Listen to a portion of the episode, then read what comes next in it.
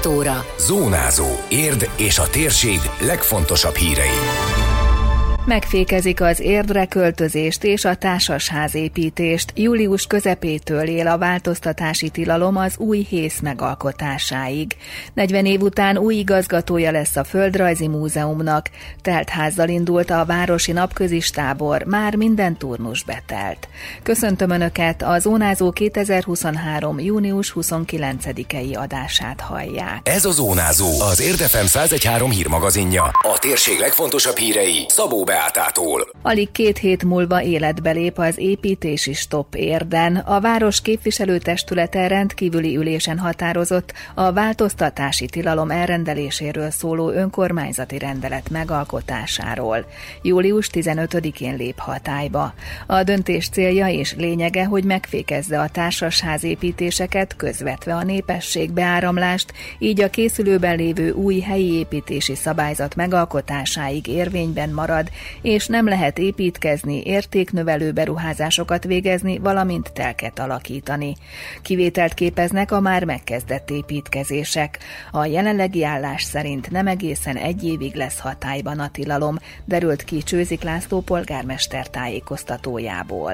Természetesen ezekre a fő kérdésekre az új építési szabályzat fogja megadni a választ. A pontos dátuma annak, hogy ez mikor kerülhet elfogadásra, nehezen megmondható, nehezen megjósolható, de vélelmezhetően a jövő esztendő elején. Ezért, hogy megfékezzük a társasházépítési lázat, illetve hogy kordában tartsuk a bevándorlási hullámot, ami ugye borzolja a kedélyeket az egész városban, az új helyi építési szabályzat elfogadásáig változtatási tilalom elfogadására teszünk javaslatot.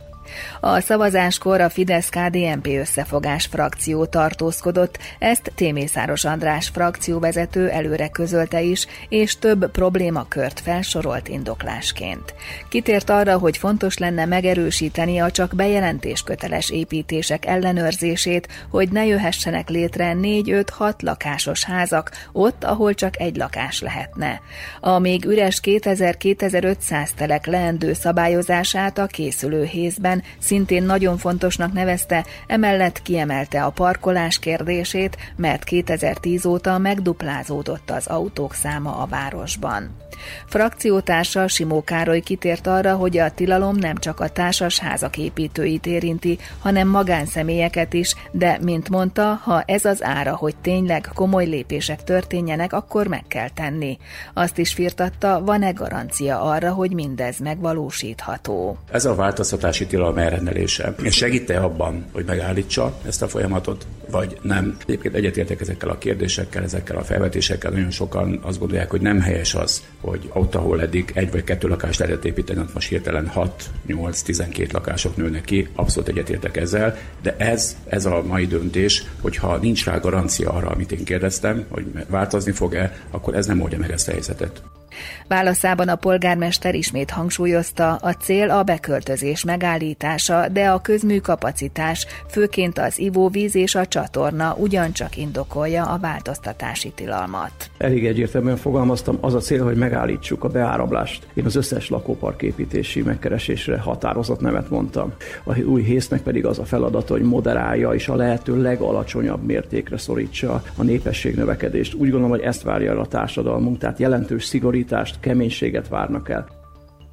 40 éves korszak zárul le a Magyar Földrajzi Múzeum életében. Az intézményt az elmúlt négy évtizedben vezető Kubasek János megbizatása július 31-én megszűnik. A posztra pályázatot írt ki az önkormányzat. A jelenlegi vezető és a helyettese pályázott, a személyes meghallgatás után pedig az előkészítő bizottság Fekete Mácsai Anetta pályázatát támogatta. Egyúttal javasolta, hogy Kubasek János 40 éves kiemelkedő szakmai munkát munkája megbecsüléseként címzetes igazgatói címet kapjon. A minisztérium ezzel összhangban szintén az igazgató helyettes pályázatát támogatta, azzal, hogy Kubasek János tudományos tanácsadói kinevezésben is részesüljön. Így a közgyűlés augusztus 1-től 5 évre Fekete Mácsai Anettát bízta meg a Földrajzi Múzeum vezetésével. A rendkívüli ülésen 12 napi rendi pontot tárgyaltak, a további döntésekről későbbi adásunkban hallhatnak beszámolót. Teltházzal startolt a Városi Napközis tábor, sőt egész nyárra beteltek a helyek. Hétfőn indult az első turnus 63 táborozóval, és még további 7 héten át várják tematikus programokkal a diákokat. Ez már a negyedik nyári tábor, amit a Szociális Gondozó Központ koordinál. A helyszín most is a Bolyai Iskola, valamint a Múzeumkert. Idén nyáron a színek köré szervezték a foglalkozásokat, ezen a héten a kék van a fókuszban. A gyerekeknek nagyon tetszik a tábor, amihez az időjárás is ideális, hiszen egyelőre nincs hőség, mondta Bereiné Petrik Mária intézményvezető. De a kikapcsolódás mellett hasznos ismereteket is szerezhetnek. Kedden a főtéren a rendőrség bűnmegelőzési programot tartott számukra, szerdán egy búvároktató volt a vendég, ma pedig kiránduláson vesznek részt. Nagyon-nagyon várjuk, hiszen reggel 9 órakor indulunk a Velencei tóra, ahol a legnagyobb népszerűségnek örvendő sárkányhajózáson fogunk részt venni. Elsősorban alsó tagozatos gyermekek vannak a táborba, nagyon szép itt például a, az udvaron a pályát fölfestették egy ilyen hatalmas nagy társasjátékká múlt pénteken, és akkor gyakorlatilag a gyerekek itt élőbe társasjátékozhatnak, ahol egyébként minden bábú önmaguk. A péntek is mindig nagyon izgalmas a városi táborban, hiszen ezen a napon állandó program van, amikor megmutathatják a gyerekek, hogy miben tehetségesek, és végül táncos bulival zárják a turnust, tette hozzá Bereiné Petrik Mária. A péntek délelőttnek a legnagyobb volumenű műsora, ugye, a kivét tud. A gyerekek erre készülnek ez egész héten, és mindenki bemutathat, táncolhat, énekelhet, bármit előadhat, volt olyan év, amikor szalagyakorlatot adtak elő, tehát ez ilyen nagy meglepetés, és akkor pénteken gyakorlatilag bemutathatják, hogy ki mit tud, délután pedig mindig diszkóval zárjuk, illetve zenével és tánccal zárjuk a hetet. Időjárás. Napos időre készülhetünk, csak néhol fordulhat elő egy-egy zápor, zivatar. A szél mérsékelt marad, a legmagasabb hőmérséklet 27 fok körül lesz. Zónázó. Zónázó. Minden hétköznap azért efemen.